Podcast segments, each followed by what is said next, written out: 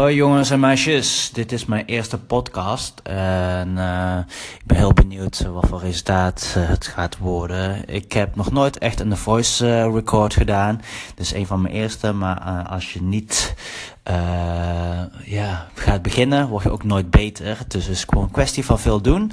Ik doe dit gewoon in het Nederlands, misschien in de toekomst ga ik het ook in het Engels doen.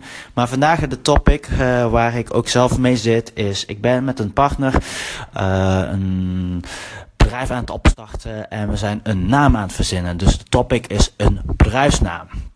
Waar heel veel mensen mee zitten en waaronder wij is een naam verzinnen. Dat is heel lastig.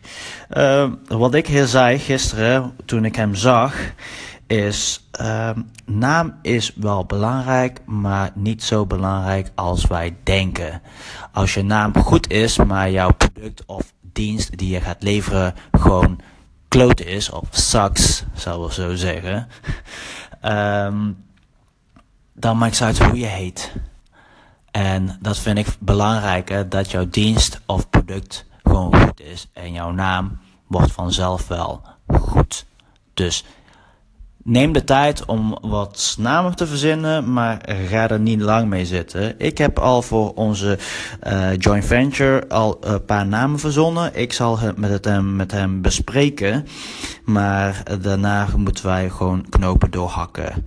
Dus samenvatting, mijn tip: ga er wat voor zitten om een naam te verzinnen, maar neem niet al te lange tijd daarvoor.